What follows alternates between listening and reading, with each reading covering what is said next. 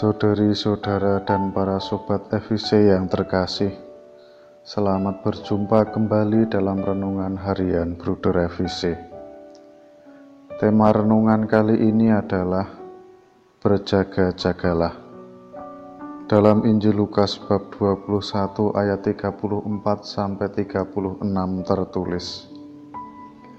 Berjaga-jagalah senantiasa sambil berdoa supaya kamu beroleh kekuatan untuk luput dari semua yang akan terjadi itu, dan supaya kamu tahan berdiri di hadapan Anak Manusia. Berjaga-jagalah suatu nasihat yang baik, sebab segala sesuatu dalam hidup kita selalu harus kita waspadai agar kita tidak jatuh dalam kecelakaan atau kehancuran, supaya kita tidak menyesal.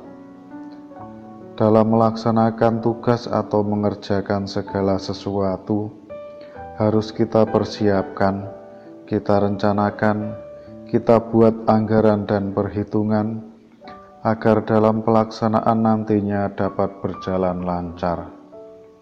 Demikian juga kita kita berusaha segala sesuatu perlu kita cermati, kita usahakan dengan teliti dan dengan sebaik-baiknya. Mengingat semuanya itu merupakan wujud dari tanggung jawab yang harus kita pertanggungjawabkan kepada Allah. Sebab kita telah diberi banyak oleh Allah dan diberikan kepada kita dengan cara cuma-cuma apakah kita juga memberikan kepada sesama dengan cuma-cuma pula? Selain itu, apakah relasi kita dengan Allah juga lancar dan baik, serta setia menaati perintah-perintahnya dan melakukan apa yang dikehendaki Allah? Rajin berdoa dan berbuat baik bagi sesama, senang membantu dan menolong orang lain, ini semua memberi makna bagi kita untuk berjaga-jaga menyambut kedatangan Allah. Saudari-saudara dan para sobat FIC yang terkasih, berdoa berarti berusaha mencari Allah dalam kasih. Usaha mencari Allah tak dapat dipisahkan dari kehidupan kita sehari-hari.